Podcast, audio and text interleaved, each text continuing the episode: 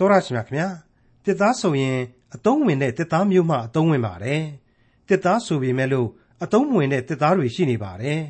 ထင်းဆိုရင်လည်းမီးလောင်ကောင်းမှအသုံးဝင်တဲ့ထင်းမျိုးဖြစ်နိုင်ပါတယ်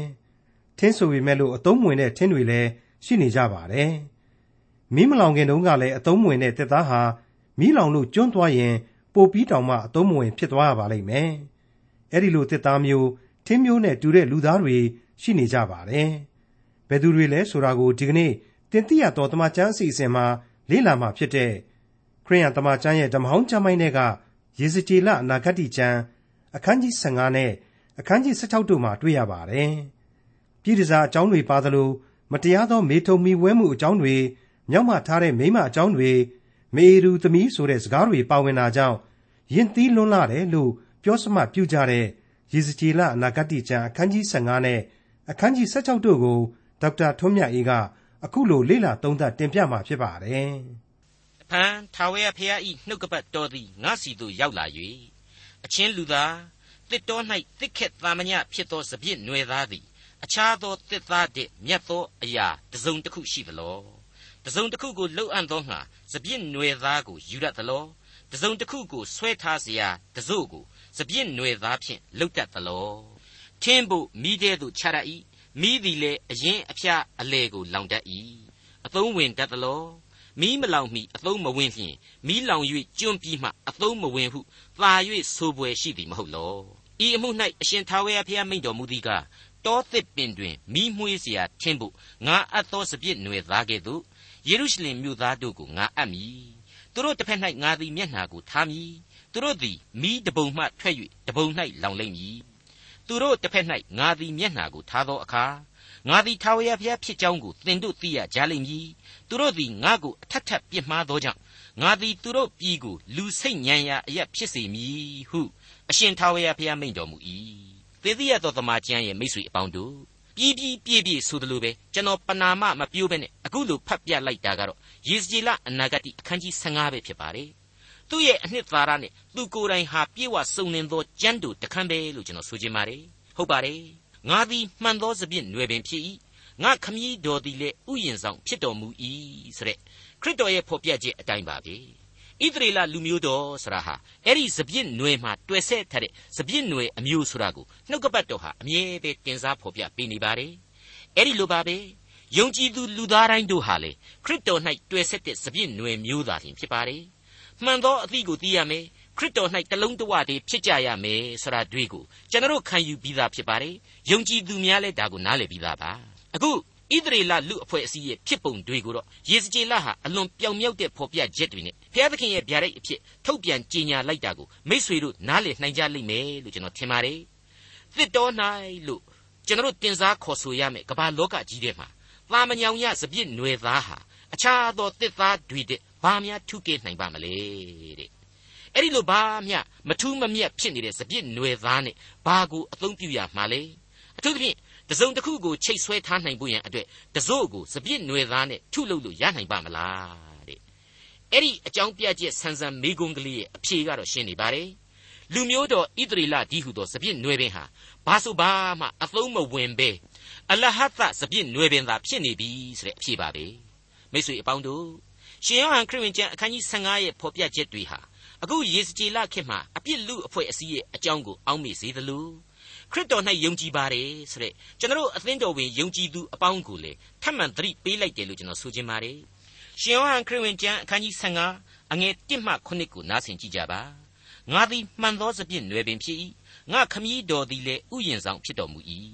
ငါ၌အသီးမသီးသောအခက်ရှိသမျှတို့ကိုခုတ်ပစ်တော်မူ၏ အသီးသီးသောအခက်ရှိသမျှတို့ကိုသာ၍သီးစေခြင်းဟာတုတ်တင်ရှင်းလင်းတော်မူ၏သင်တို့သည်ငါဟောပြောသောစကားအဖြစ်ယခုပင်ရှင်းလင်းလျက်ရှိကြ၏ငါ၌တည်နေကြလော့ငါသည်လည်းသင်တို့၌တည်နေမည်စပြစ်ခက်သည်အပင်၌မတည်လျင်ကိုအလိုလျောက်အသီးမသီးနိုင်တကဲ့သို့သင်တို့သည်ငါ၌မတည်လျင်အသီးမသီးနိုင်ကြငါသည်စပြစ်နွယ်ပင်ဖြစ်၏သင်တို့သည်အခက်များဖြစ်ကြ၏အကျဉ်သူသည်ငါ၌တည်၍ငါသည်လည်းထိုသူ၌တည်၏ထိုသူသည်များစွာသောအသီးကိုတည်တတ်၏ငါနှင့်ကြွားလျင်သင်တို့သည်အဘယ်အမှုကိုမျှမတတ်နိုင်ကြငါ၌မတည်သောသူသည်သွေးချောက်သောအခက်ကဲ့သို့ပြင်သို့ပြစ်လိုက်ခြင်းကိုခံရ၏ထိုသို့သောအခက်များကိုလူတို့သည်စုသိမ့်၍မိတဲ့သို့ချလိုက်ကြသဖြင့်မိလောင်ခြင်းသို့ရောက်ကြ၏သင်တို့သည်ငါ၌တည်၍ငါစကားသည်သင်တို့၌တည်လျင်သင်တို့သည်တောင်းကျင်သမျှကိုတောင်း၍ရကြလိမ့်မည်မိတ်ဆွေအပေါင်းတို့ရှင်မသက်ခရစ်ဝင်ကျမ်းမှာတုန်းက ငါဒီလောကကိုကြွလာတာဟာအနာဂတ်ကြံများကိုဖျက်ဆီးဖို့လာခဲ့ခြင်းမဟုတ်ပုံမို၍ပြည့်စုံဖို့သာလာခြင်းဖြစ်တယ်ဆိုတာကိုကယ်တင်ရှင်သခင်ခရစ်တော်ဟာအခိုင်အမာပြောခဲ့ပါတယ်နော်အခုအချိန်မှာရေစကြည်လကဖော်ပြခဲ့တဲ့အသုံးမတည့်သောစပြစ်နွယ်ပင်ဥပမာဟာဣသရေလလူအဖွဲ့အစည်းကိုကြီးဆိုလိုခြင်းမဟုတ်လူသားတဲ့လူသားတိုင်းနဲ့တက်ဆိုင်နေတယ်ဆိုတာကိုခရစ်တော်ဖော်ပြပေးလိုက်ခြင်းအပြင်သူ့ရဲ့ကြွလာတော်မူခြင်းသည် ပြည့်ညတ်တော်ကာလအနာဂတ်ကြမ်းများကိုပို၍ပြီးပြည့်စုံအောင်လာခဲ့ခြင်းပဲဖြစ်တဲ့အကြောင်းရှင်းနေအောင်တက်သိထူနိုင်ပြီလို့ကျွန်တော်တင်ပြလိုပါတယ်မီးမလောင်ခင်မှာတောင်မှအသုံးမဝင်သေးဘူးဆိုရင်မီးလောင်ကျွန်းပြီးရင်တော့ပို၍ပင်အသုံးမဝင်ဘူးလို့ပြောရလိမ့်မယ်တဲ့ယေစကြီးလာကနေထပ်ပြီးတော့ဖော်ပြပါတယ်အဲ့ဒီနောက်ထပ်ရှင်းလင်းချက်ဟာအင်မတန်ယဉ်နှင်းစရာကောင်းလာတဲ့လူသားတို့ရဲ့အဖြစ်ပဲလို့ကျွန်တော်ဆိုချင်ပါတယ် ပြီးခဲ့တဲ့သင်ခန်းစာအဆုံးပိုင်းမှာတုန်းကငါပြုလေသမျှတို့၌အကြောင်းမရှိဘဲမပြုဆိုတဲ့သခင်ရဲ့သတိပေးခြင်းနဲ့ငါဖျက်ဆီးပြစ်မယ်ဆိုတဲ့စီရင်ခြင်းကိုနာခံရန်အဲ့ဒီလိုစီရင်ခြင်းရဲ့အဓိကအကြောင်းတရားဖြစ်တဲ့အပြစ်ကိုရှောင်ရှားရန်များကိုကျွန်တော်တို့တွေ့ကြရပြီဖြစ်ပါတယ်ဒါအပြင်နောက်ထပ်ငါပြုလေသမျှတို့၌အကြောင်းမရှိဘဲမပြုဆိုတဲ့သခင်ရဲ့ပြုပြင်တော်မူပြန်သောကယ်တင်ခြင်းကျေးဇူးတော်ဆိုတာကိုခရစ်တော်အားဖြင့်လက်ခံရန် အဲ့ဒီလိုပြုပြင်တော်မူခြင်းရဲ့အဓိကအကြောင်းဖြစ်တဲ့သူ့ရဲ့ချစ်ချင်းမေတ္တာတော်ကိုယုံကြည်ခြင်းရှိကြရန်သူပြုတော်မူသောချစ်ချင်းမေတ္တာတော်ကနေဆက်နွယ်လာတဲ့ကယ်တင်ခြင်းကျေးဇူးတရားကိုလက်ခံကြရန်ကျွန်တော်အနေနဲ့ဖော်ပြခဲ့ပြီးပါပြီဒီအကြောင်းတရားများကိုအခုအပိုင်းကလေးမှာပြန်ပြီးတော့အမှတ်ရစေဖို့လေးစားစွာနဲ့ထပ်မံတင်ပြပေးလိုက်ရခြင်းဖြစ်ပါတယ်အခုဣသရေလလူမျိုးတော်ဟာနောင်တနဲ့ပြန်လာခွင့်ရှိတဲ့အခိုက်မှာရှိနေတဲ့အချိန်ကာလမှာ ဘုရားသခင်ကိုပြစ်ပယ်ထားခဲ့လို့အပြစ်စီရင်ခြင်းကိုခံရခြင်းဖြစ်ပါတယ်အပြစ်စီရင်ခြင်းကိုခံရပြီဆိုတဲ့အခါမှာတော့ယဉ်နှင့်ပွေသောပြက်သုံးခြင်းတို့ရောက်လာရပြီဆိုတာကိုယေစကြည်လမှတဆင့်ဘုရားသခင်ပြင်းပြင်းထန်ထန်သတိပေးလိုက်ပါတယ်အခုချိန်မှာတော့ကျွန်တော်တို့ဟာယေဇကျေလအနာဂတိကျမ်းအခန်းကြီး16ကိုဆက်လက်လေ့လာသွားဖို့ရှိနေပါတယ်။ဒါကြောင့်မလို့အခန်းကြီး16ရဲ့အငယ်1မှ3ကိုနားဆင်ကြည့်ကြပါစို့။တဖန်ထာဝရဘုရား၏နှုတ်ကပတ်တော်သည်ငါစီသို့ရောက်လာ၍အချင်းလူသား ယေရုရှလင်မြို့သည်မိမိ၌ဆက်ဆုပ်ယွန်ရှာပွေသောအမှုအရာတို့ကိုသိမြည်အကြောင်းပြုလော့။ထာဝရဘုရားသည်ယေရုရှလင်မြို့အားမိန့်တော်မူသောစကားသင်ဆင့်ဆိုရမည်မှာသင်၏မူလသင်၏မွေးဖွားရာဌာနသည်ခါနန်ပြည်၌ရှိ၏သင်၏အဖသည်အာမောရိလူသင်၏အမိသည်ဟိတ်တိအမျိုးဖြစ်၏မိတ်ဆွေ ဒီဖော်ကျူးချက်ဟာယေရုရှလင်မြို့တော်ဆိုပြီးတော့အဲ့ဒီအချိန်ကာလမှာဘုရားသခင်အလွန်ချစ်မြတ်နိုးရာမြို့တော်ကြီးဖြစ်နေတဲ့ရပ်ဝန်းရဲ့အတိတ်ကာလကိုဘုရားသခင်ပြန်လည်ဖော်ပြခြင်းဖြစ်ပါတယ်တချိန်သောကာလတုန်းကအာမောရိလူမျိုးတွေဒီအရက်ကိုလွှမ်းမိုးခဲ့ဘူးတယ်ဟိတ်တီဆိုတဲ့လူမျိုးတွေလည်းအာနာတီခဲ့ဘူးတဲ့အရက်ဖြစ်တယ်ဆိုတဲ့သမိုင်းကြောင်းကိုပြန်လည်အောက်မေ့သတိရစေဖို့ဖြစ်ပါတယ်ယေဇကျေလအနာဂတိကျမ်းအခန်းကြီး16အငယ်၄နဲ့5သင်ကိုဖွာခြင်းအကြောင်းအရာဟုမူကား ဖွာသောနေ့၌ချက်ကျိုးကိုမဖြတ်တန်ရှင်းစေခြင်းဟာရေမချိုးစားနှင့်မလူအဝတ်နှင့်မပတ်ရဂယုဏစိတ်နှင့်ထိုတို့ပြုစုခြင်းဟာသင်ကိုမြင်၍အဘယ်သူမျှမတနာဖွာသောနေ့၌သင်သည်ကိုကိုယွန်ရှာသည်တိုင်အောင်လေပြင်း၌ပြစ်ထားခြင်းကိုခံရ၏ဖျားသခင်ရဲ့ပြုစုစောင့်ရှောက်တော်မူခြင်းကိုသာမခံယူရခင်အချိန်မှာအယုတ်ဆိုးအကြီးတန်ခဲ့တဲ့အချိန်တန့်ရှင်းခြင်းမရှိတဲ့အချိန်ဆိုတာကိုတင်စားဖော်ပြပေးလိုက်ပါတယ် အကြီးတန်၍နေလောင်ခဲ့သောရှုလမိတ်ဆိုတဲ့သမီးပြူဟာသူချစ်သောသခင်မြတ်တာကိုမခံယူရခင်မှာဘလောက်အထိအသရေရုပ်လျော့ခဲ့တယ်နေပူကျဲတဲ့ကြီးတွေမှာနေလောင်ထားလို့အယုတ်ပြက်ဆင်းပြက်ဖြစ်ခဲ့တယ်လူမလေးခွေးမခံဖြစ်ခဲ့ရတယ်ဆိုတာကိုရှောလမုန်တီချင်းမှာကျွန်တော်တို့တွေ့ကြရပြီးသားပါမိတ်ဆွေအာမောရိနဲ့ဟိတ်တိလူမျိုးတွေရဲ့လက်အောက်ကယေရုရှလင်ရဲ့အတိတ်ဟာအဲ့ဒီရှုလမိသမီးပြူအတိုင်းပဲအယုတ်ဆိုးခဲ့တယ်အကြီးတန်ခဲ့တယ်အသရေရုပ်လျော့ခဲ့တယ် ယေစကျေလအနာဂတိကျမ်းအခန်းကြီး16အငယ်6မှ14ကိုဆက်ကြည့်ကြပါစို့ငါသည်လျှောက်သွား၍အသွေးနှင့်လူလျက်ရှိသောသင်ကိုမြင်သောအခါအသက်ရှင်လော့ဟုသင်သည်အသွေး၌ရှိစဉ်ငါဆို၏မြက်ပင်ကဲ့သို့ငါကြီးပွားစေသဖြင့်သင်သည်အစဉ်အတိုင်းကြီး၍လှသောအဆင်းနှင့်ပြည့်စုံ၏ရင်သားထ၍ကို၌လည်းအမွေပေါက်၏အရင်ကအဝတ်မရှိအချီးစီးနေရ၏တဖန်ငါသည်လျှောက်သွား၍သင်ကိုမြင်သောအခါသင်၌ချစ်လိုပွေသောအချိန်အရွယ်ရှိသောကြောင့် ငါသည်ကိုအဝတ်ဆုံးကိုဖြန့်၍သင်၌အချီးစီးရှိခြင်းကိုဖုံးအုပ်၏ကျိန်ဆိုခြင်းကိုလည်းပြု၍သင်နှင့်ပရိညင်ဖွဲ့သဖြင့်သင်သည်ငါ၏ခင်ပွန်းဖြစ်လေ၏ထိုအခါသင်ကိုရေချိုး၍သင်၌လူသောအသွေးရှိသမျှကိုငါဆေးကြော၏စီနှင့်လိမ့်၏ချဲလှဲသောအဝတ်ကိုဝတ်စေ၏တဟာရှသားတဟာရှတရေခြေနှင်းကိုစီးစေ၏ဖဲပိတ်ချောနှင့်ခြုံစေ၏လက်ကောက်နှင့်လက်ဆွဲအစရှိသောတစားမျိုးကိုဆင်စေ၏ နှတောင်နှဆွဲလှသောပေါင်းကိုလည်းဆင်စေ၏ထို့သောသင်သည်ရွှေငွေနှင့်တကွဖဲပိတ်ချောချဲလှဲသောအဝတ်တစားတို့ကိုဆင်လျက်မုံညက်ပြားရည်စီကိုစားလျက်အလွန်တရာလှသောအဆင်းနှင့်ပြည့်စုံ၍မိဖုရားအရာကိုခံရ၏ငါသည်ကိုအသရေကိုသင်၌အပ်ပေးသောကြောင့်သင်သည်လှသောအဆင်းနှင့်စုံလင်၍အတိုင်းတိုင်းအပြည်ပြည်၌ကြော်စောလေ၏အလွန်အလွန်ကောင်းမွန်တဲ့လင်္ကာယသအရေးအဖွဲ့တွေပါပဲဟုတ်ပါတယ် အရှင်မွေးတော့နေချင်းကြီးလာတယ်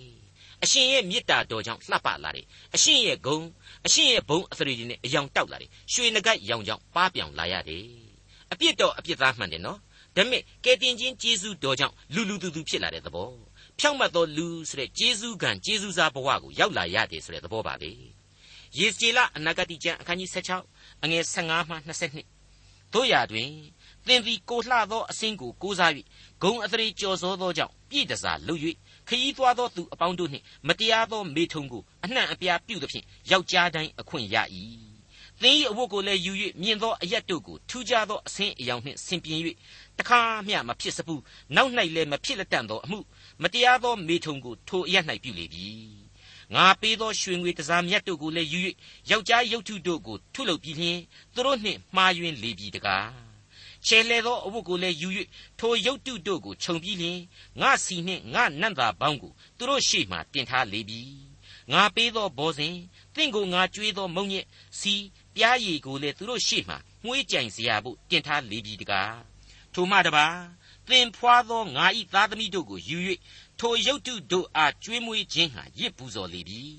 သင်သည်မတရားသောမေထုံကိုပြုတ်၍စိတ်မပြေသောကြောင့်ငါဤသားသမီးတို့ကိုတတ်၍ရုပ်တုတို့အားမိဖြင့်ပူဇော်ရမည်လောသင်ပြုသောဆက်ဆုပ်ယွန်ရှာပွဲအမှုမတရားသောမေထုံအမှုအပေါင်းတို့ကိုပြုစဉ်တွင်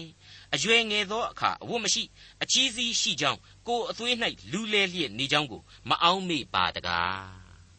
စောစောပိုင်းတုန်းကအခန်းကြီး15မှာမီးမလောင်မီအသုံးမဝင်လျင် မီးလောင်၍ကျွန့်ပြီးမှအသုံးမဝင်ဟုသာ၍ဆိုပွဲရှိသည်မဟုတ်လောဆိုတဲ့ဖော်ကျူးသန်းဟာအလွန်ရင်နာစရာကောင်းတဲ့လူသားတို့ရဲ့အဖြစ်ပဲလို့ကျွန်တော်ပြောခဲ့ပါတယ်နော်အခုထပ်ပြီးတော့ရင်နာစရာဖြစ်ယုံတင်သာမကဖြေလို့တောင်မှမပြေသာအောင်ရှိရပြီလို့ပဲကျွန်တော်ယင်ထဲမှာခန်းစားမိပါတယ်ကိုလှသောအဆင့်ကိုကိုးစား၍တဲ့စပြည့်နွယ်ပင်ကလေးလိုဖြစ်အောင်ဘသူပြုစုပေးသလဲကိုအဆင့်လှတာဟာဘာကြောင့်လဲဖျားသခင်ရဲ့ကျေးဇူးတော်ကြောင့်တက်တက်ပဲမဟုတ်ဘူးလား အဲ့ဒီလိုကျေးဇူးတော်နဲ့သာပြုပြင်ခြင်းမရှိရင်ຫນွယ်ပင်လည်းမဖြစ်နိုင်အဆင်းလည်းလှမလာနိုင်ပါဘူးအဲ့ဒီလိုအခြေအနေကောင်းတို့ရှိပါလျက်နဲ့အရင်ကံဖြစ်တဲ့ဇာတိပဂရိအသွေးအသားတို့ဟာကျေးဇူးတော်ဘဝနဲ့ကျေးဇူးတော်အလှကိုဖျောက်ဖျက်ပစ်ခဲ့ကြတယ်အမျိုးမျိုးသောအပြစ်တို့နဲ့တကွအဆိုးဆုံးဖြစ်တဲ့ဘုရားသခင်ကိုစွန့်ပစ်တဲ့အဆင့်အထိရောက်တဲ့အချိန်ကို့အသွေးတဲ့ဟုတ်ပါတယ်ခရစ်တော်ရဲ့အသွေးတော်မဟုတ်ပါဘူးနော်ကို့အသွေးတဲ့ဒီမှာဖော်ပြထားတယ်ဇာတိပဂရိအသွေးပါ အဲ့ဒီဇာတိပဂရိအသွေး၌လူးလိမ့်ခဲ့ရပြီလူးလဲနေရပြီ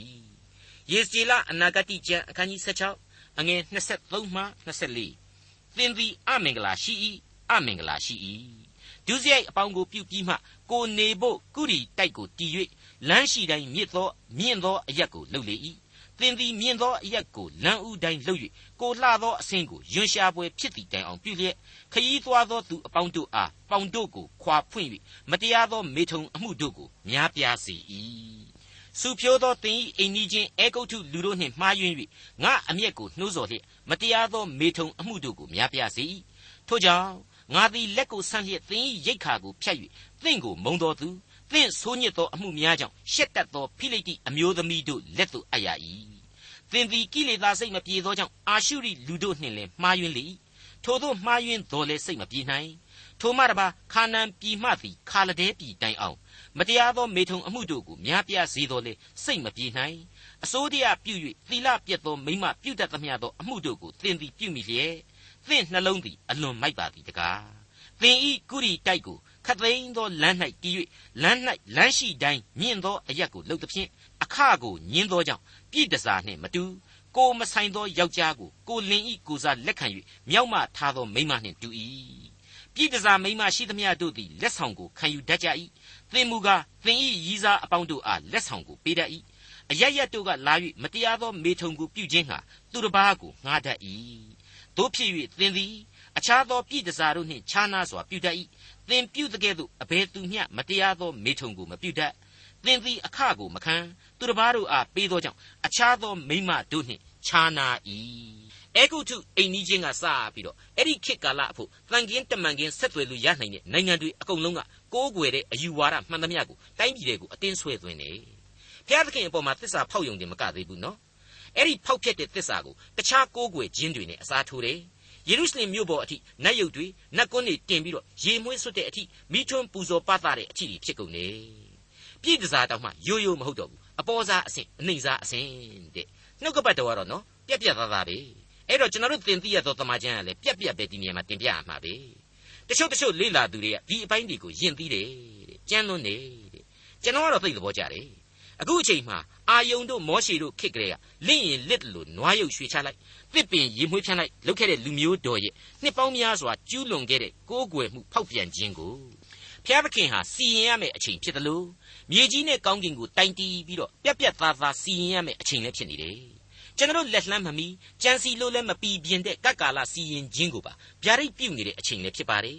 လှဲနေလှေအောင်မြင်းဆောင်မကြံဧကရစ်ဘရင်အဆင့်ကနေပြီးတော့လမ်းဘေး platform ပေါ်မှာအိပ်ပျော်နေတဲ့လူအထိကြားသိနားလေစေဖို့အနာဂတ်ပြုတ်နေတဲ့အချိန်လည်းဖြစ်ပါတယ်ရင့်ရင်သီးသီးဖြစ်နေတဲ့လူမျိုးဇယိုက်တွေကြမ်းကျင်တိုင်းကြမ်းနေတဲ့လူမျိုးတွေအတွက်သိပ်ထိုက်တန်တဲ့အသုံးအနှုန်းတွေဖြစ်တယ်လို့ကျွန်တော်တို့သင်သိရသောတမန်ကျမ်းကတော့အလေးနဲ့ပြုမိပါတယ်ယေဇကျေလအနာဂတ်ကျမ်းအခန်းကြီး16အငယ်35မှ43တို့ဖြစ်၍အိုးပြည့်စာမိမ့်မထာဝရဘုရား၏အမိန့်တော်ကိုနားထောင်လော့ အရှင်ထာဝရဘုရားမိန့်တော်မူသည်ကားသင်ဤရည်စားများဆက်ဆုပ်ယွန်ရှာပွေသောရုပ်တုအပေါင်းတို့နှင့်မှားယွင်းခြင်းအပြင်၎င်းသူတို့အားပေးသောသားသမီးတို့၏အသွေးအားဖြင့်၎င်းသင်သည်ကိုရှက်ကြောက်ခြင်းအဝတ်အချီးစီးရှိခြင်းကိုထင်ရှားစွာဖော်ပြသောကြောင့်သင်ကိုချစ်သောရည်စားရှိသမျှတို့နှင့်သင်ချစ်သောသူမုန်းသောသူအပေါင်းတို့ကိုငါစုဝေးစေမည် သင်တစ်ဖက်ပတ်လည်၌စုဝေးစေ၍သင်၌အဝတ်အချီးစီးရှိခြင်းကိုငါပြသဖြင့်ထိုသူအပေါင်းတို့သည်သင်၌အဝတ်အချီးစီးရှိသမျှကိုမြင်ရကြလိမ့်မည်မြောက်မှထားသောမိမနှင့်လူအသက်ကိုတတ်သောမိမတို့ကိုစီရင်တကဲ့သို့သင်ကိုငါစီရင်၍ပြင်းစွာသောဒေါသအမျက်အသွေးကိုငါတိုက်မည်သင်ကိုသူတို့လက်သို့ငါအပ်သဖြင့်သူတို့သည်သင်၏ကုရီတိုက်ကိုဖျက်၍သင်၏မြင့်သောအရက်တို့ကိုဖြိုချကြလိမ့်မည် သင်အဝတ်တို့ကိုချွတ်၍လှသောတစားတို့ကိုလူယူပြီးလျင်သင်ကိုအဝတ်မပေးအချီးစီးရှိစေခြင်းဟာပြစ်ထားကြလိမ့်မည်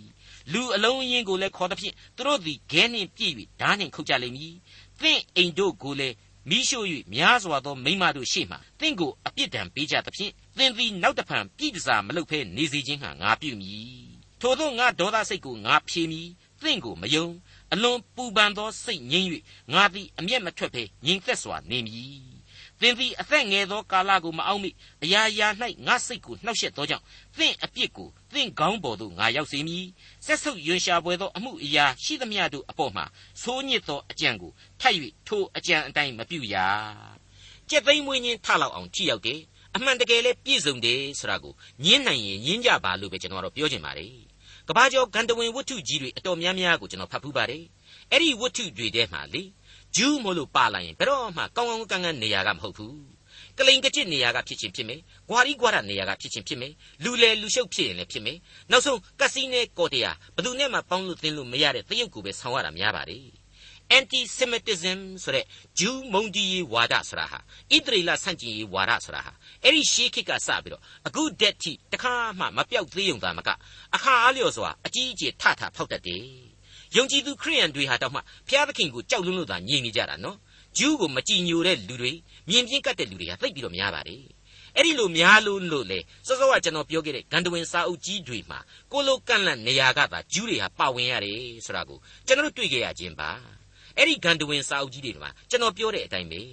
မကောင်းမကန့်နေရာမှာဂျူးတွေကိုထည့်ထည့်ပြီးသုံးကြတာကိုကျွန်တော်တို့တွေ့နေကြပါအငယ်36နဲ့40ကိုပြန်ပြီးတော့ကြည့်မယ်ဆိုရင် သင်ကိုသူတို့လက်သို့ငါအပ်သဖြင့်သူတို့သည်သင်ဤကုရီတိုက်ကိုဖျက်၍သင်ဤမြင့်သောအရက်တို့ကိုဖြိုချကြလိမ့်မည်သင်အဝတ်တို့ကိုချွတ်၍လှသောတစားတို့ကိုလူယူပြီးလျင်သင်ကိုအဝတ်မပေးအချီးစီးရှိစေခြင်းဟာပြစ်ထားကြလိမ့်မည်လူအလုံးရင်းတို့ကိုလည်းခေါ်သဖြင့်သူတို့သည်ခဲနှင့်ပြည့်၍ဓာနှင့်ခုတ်ကြလိမ့်မည်တဲ့ဆင်းနေတာပဲမဟုတ်ဘူးလားဘာဘူးလုံတွေဘာလုပ်ခဲ့တယ်ယောမအာနာရှင်တိုက်တက်စ်တက်မတော်ကြီးဟာဘယ်လိုဂျူးတွေကိုနှိပ်စက်ခဲ့တယ် တူရကီတွေဝင်ပြီးတော့ဂျူးတွေကိုဘယ်လိုတပ်ဖြတ်ခဲ့တယ်ဟစ်တလာဘယ်လိုစီရင်ခဲ့တယ်ဆိုတာတွေနဲ့ပဲရှင်တွဲပြီးတော့စဉ်းစားကြပါရန်ကျွန်တော်အလေးနဲ့မေတ္တာရက်ခံအပ်ပါတယ်ယေဇကျေလအနာဂတိကျမ်းအခန်းကြီး16အငယ်44မှ52စကပုံကိုသုံးတတ်သောသူအပေါင်းတို့ကအမိကဲ့သို့သမီးဖြစ်၏ဟုသင်ကိုရည်မှတ်၍စကပုံကိုပြောကြလိမ့်မည်သင်သည်လင်နှင့်သားသမီးကိုယွန်ရှာသောမိမ၏သမီးဖြစ်၏လင်နှင့်သားသမီးကိုယွန်ရှာသောမိမ၏ညီမလည်းဖြစ်၏သင်အမိသည်ဟိတ်တိအမျိုး သင်အဖသည်အာမောရိလူဖြစ်၏သင်အမသည်မိမိသမီးတို့နှင့်တကွသင်လက်ဝဲဘက်၌နေသောရှမာရိမျိုးဖြစ်၏သင်တဲ့အသက်ငယ်သောသင်၏ညီမသည်မိမိသမီးတို့နှင့်တကွသင်လက်ရဘက်၌နေသောသောဒုံမျိုးဖြစ်၏တို့ရတွင်သင်သည်သူတို့ထုံးစံကိုမလိုက်သူတို့ပြုသောယွန်ရှာပွဲအမှုမျှသာပြုသည်မဟုတ်ထိုအမှုကိုတာမညအမှုဟု၍ထင်မှတ်သဖြင့်သင်သည်အရာရာ၌သူတို့တဲ့သာ၍ဆိုးညစ်ပေ၏ ငါအသက်ရှင်သည့်အတိုင်းသင်သည်ကိုသမီးတို့နှင့်တကွပြုတကဲ့သို့ညမသောတုံနှင့်သူ၏သမီးတို့သည်မပြုကြသင်ညီမသောတုံ၏အပြစ်ဟုမူကားသူနှင့်သူသမီးတို့သည်မာနကြီးခြင်းဝါစွာစားတော့ခြင်းငြိမ်ဝတ်စွာကောင်းစားခြင်းရှိ၍ဆင်းရဲငတ်မွတ်သောသူတို့ကိုမထောက်ပံ့ဘဲနေကြ၏မာနထောင်လွှား၍ငါရှိမှဆက်ဆုပ်ယွန်ရှာပွဲသောအမှုကိုပြုကြ၏ထို့ကြောင့်သင်မြင်သည့်အတိုင်းသူတို့ကိုငါပယ်ရှင်းပြီ ရှမာရိသည်လည်းသင်ပြုမိသောဒုစရိုက်တဝက်ကိုမျှမပြုမိသင်မူကားညီအမတို့၏အပြစ်ကိုမထင်ရှားစေသည့်တိုင်အောင်ဆက်ဆုပ်ယွန်ရှာပွဲသောအမှုတို့ကိုသူတို့တက်မကများပြားစွာပြုလေပြီတကားသင်သည်ညီအမတို့ကိုအပြစ်တင်၍စီရင်လျက်ပင်သူတို့ပြုသည်တဲ့ဆက်ဆုပ်ယွန်ရှာပွဲသောအမှုတို့ကိုသာ၍ပြုသောကြောင့်အရှက်ကွဲခြင်းကိုခံလော့သူတို့သည်သင်တဲ့သာ၍အပြစ်နေကြ၏ သင်မူကားညီအမတို့၏အပြစ်ကိုမထင်ရှားစေသည်တိုင်အောင်ပြုသောကြောင့်စိတ်ပြည့်၍အရှက်ကွဲခြင်းကိုခံလော့တကယ်ရှင်းတဲ့သမိုင်းသက်သေပါပဲပြီးတော့ရယူနိုင်တဲ့ဝိညာဉ်အသည့်တရားများဟာလေအလွန်ကြီးမားနေပါတယ်အမေရူသမီးလို့သင်ကိုပြောလိုက်မယ်တဲ့ရှင်းရှင်းပြောရရင်တော့အပြစ်ဇာတိပဂရိကမွေးဖွားလာတယ်လို့မပြောရဘူးအင်မတန်ဇယိုက်ကြမ်းနေဆိုပြီးတော့ပြောလိုက်တာပါဟုတ်ပါတယ်အမေသမီးညီမဆိုတဲ့မိမသားတို့ရဲ့ကိုစားပြုနန်းတွေကို နှုတ်ကပတ်တော်ဟာအများအားဖြင့်စာရမဏတ်နဲ့အပြည့်ရရဲ့ပုံဖော်ရာနံများအဖြစ်သာလျှင်အသုံးပြုပေးလိရှိပါတယ်။မိမသားတို့အနေနဲ့စိတ်နာစရာအကြောင်းမရှိပါဘူး။လူတ attva တို့ရဲ့ကေတင်ချင်းကျေးဇူးတော်ကိုမိမိတို့အားအသုံးပြုပြီးတော့တရုပ်ဖော်ပေးခြင်းကိုခံရတယ်။မြင့်မြတ်သောအမှုတော်မှာအသုံးချခံရတယ်လို့ဂုဏ်ယူလိုက်ကြပါ။တရားကြစရာအလွန်ကောင်းတဲ့နောက်တစ်ချက်ကတော့ညမတော်ဆိုတဲ့အခြားသောဆွေမျိုးတို့ရဲ့အပြစ်တွေးကိုမထင်ရှားစေအောင် ဣသရေလရဲ့အပြစ်တွေဟာအလွန်ထင်ရှားလွန်းနေတယ်တဲ့ကျွန်တော်ကပြုံးမိပါတယ်နှုတ်ကပတ်တော်ကိုအပေါ်ယံလွှားပြီးဖတ်တတ်တဲ့ကျွန်တော်တို့ကိုဒီအချက်အားဖြင့်ဘုရားသခင်ဆုံးမလိုက်တယ်လို့ပဲမင်းတို့တွေဣသရေလအကြောင်းကိုဖတ်ပြီးတော့ဣသရေလကိုစိုးတယ်မိုက်တယ်သွားမပြောနဲ့မင်းတို့ကဘာတခုဆွေမျိုးစုလူတွေမှန်သမျှအကုန်အတူတူအနူနူကြီးပဲသတိထားကြဟိဆိုပြီးပြောလိုက်တာ ਨੇ အတူတူပဲလို့ခံယူပါတယ်ယေဇကျေလအနာဂတိကျမ်းအခန်းကြီး16အငယ်53မှ58 သိမ့်သွားခြင်းကိုခံရသောသောဒုံနှင့်သူ၏သမီးများရှမာရိနှင့်သူ၏သမီးများကိုတဖန်ငါဆောင်ခဲ့သောအခါသိမ့်သွားခြင်းကိုခံရသောသင်၏လူတို့ကိုသူတို့နှင့်အတူငါဆောင်ခဲ့မည်တို့ဖြစ်၍သင်တို့သည်သူတို့ကိုနှစ်သိမ့်စေ၍ပြုလေသမျှတို့ကြောင့်စိတ်ပြည့်လျက်အရှက်ကွဲခြင်းကိုခံရလိမ့်မည်သင်၏ညီအမသောဒုံနှင့်သူ၏သမီးများရှမာရိနှင့်သူ၏သမီးများတို့သည်အရင်နေရာသို့ပြန်ရောက်သောအခါသင်သည်လည်းသင်ဤသမီးတို့နှင့်တကွအရင်နေရာသို့ပြန်ရောက်ရလိမ့်မည် ရှုရိသမီးများနှင့်သူတို့ပတ်လည်၌နေသောသူအပေါင်းတို့သည်သင်ကိုကဲ့ရဲ့၍သင်ပတ်လည်၌နေသောဖိလိတိသမီးများတို့သည်မထီမဲ့မြင်ပြုကြသဖြင့်သင်ပြုသောဒုစရိုက်အပြစ်မထင်ရှားမီသင်သည်မာနထောင်လွှားစဉ်ကာလတွင်သင်ညမသောတုံဤနာမကိုအရှင်းနှုတ်မမွဲ့ယခုမူကားသင်သည်ကိုဆိုးညစ်သောအမှုနှင့်ဆက်ဆုပ်ယွန်ရှာပွဲသောအမှုတို့၏အပြစ်ခံရမည်ဟုထာဝရဘုရားမိန့်တော်မူ၏ဆိုးညစ်သောအမှုနဲ့ယွန်ရှာပွေသောအမှုအတွက်အပြစ်ဒဏ်ကိုခံရမည်ဆရာဟာ လောလောလတ်လတ်ကျွန်ဖြစ်ရတော့မယ့်အကြောင်းကိုအတီးပြုတ်လိုက်ခြင်းပါအဲ့ဒီမတိုင်မီမှာတကြမ်းလုံးတစ်ခါမှမဖော်ပြခဲ့တဲ့ထူးဆန်းတဲ့အချက်တစ်ခုကိုမိษွေတို့သတိပြုမိကြမယ်ထင်ပါတယ်နော်သင်သည်လည်းအရင်နေရာသို့ပြန်ရလိမ့်မည်ဆိုတဲ့အချက်ပဲယေရမိအနာဂတ်မှာတုန်းကလေယေရမိဟာအပြစ်စီရင်ခြင်းဆိုတဲ့အမှောင်ဒုကြီးရဲ့အစွန်းတစ်ဖက်မှာအလင်းရောင်ကလေးပြပြကိုမြင်ခဲ့ရတဲ့အကြောင်းကိုကျွန်တော်ဖော်ပြခဲ့ပါတယ်အခုလေကျေးဇူးတော်တည်းဟူသောအလင်းရောင်ကလေးမှုံပြပြကိုပရောဖက်ကြီးယေဇကျေလမြင်တွေ့လိုက်ရပါတယ် အဲ့ဒီအလင်းရောင်ကလေးဟာအဖဖျားသခင်ရဲ့မေတ္တာတော်အားဖြင့်အခုဆက်လက်ပြီးကြားနာရမယ့်အခန်းကြီး16ရဲ့ဏိဂုံးပိုင်းတွေမှာပုံမူပြီးတော့လင်းချင်းသွားရပါလိမ့်မယ်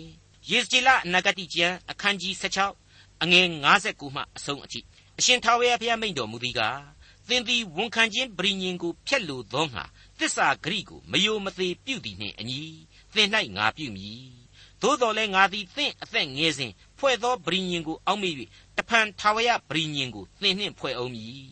သင်သည်ဝန်ခံခြင်းပရိညင်ကိုမဆောင်ရတော့လေပရိညင်အားဖြင့်သင်၏ညီမညီအမတို့ကိုသင်၏သမီးဖြစ်ဖို့ရာငါပေး၍သင်သည်ထိုသူတို့ကိုလက်ခံသောအခါသင်ပြုမိသောအမှုများကိုအောက်မေ့၍ရှက်ကြောက်ရလိမ့်မည်ထိုအခါငါ၏ပရိညင်ကိုသင်နှင့်ငါဖွဲ့မည်ငါသည်ထာဝရဘုရားဖြစ်ကြောင်းကိုသင်သိရလိမ့်မည်သင်ပြုဘူးသမျှသောအမှုတို့ကိုငါမမှတ်စိတ်ပြေသောအခါသင်သည်အောက်မေ့၍ ရှက်ကြောက်ခြင်းနှင့်မျက်နှာပြက်ခြင်းကြောင့်နှုတ်ကိုမဖွင့်ဘဲနေရလိမ့်မည်ဟုအရှင်ထာဝရဘုရားမိန့်တော်မူ၏ဒေါက်တာထွန်းမြတ်ရေးစီစဉ်တင်ဆက်တဲ့တင်ပြရတော်တမချန်းအစီအစဉ်ဖြစ်ပါတယ်နောက်တစ်ချိန်အစီအစဉ်မှာခရိယန်တမချန်းရဲ့ဓမ္မဟောင်းကျမ်းပိုင်းတွေကယေစကြည်လအနာဂတ်ကျမ်းအခန်းကြီး16ကိုလေ့လာမှာဖြစ်တဲ့အတွက်စောင့်မျှော်နားဆင်နိုင်ပါတယ်။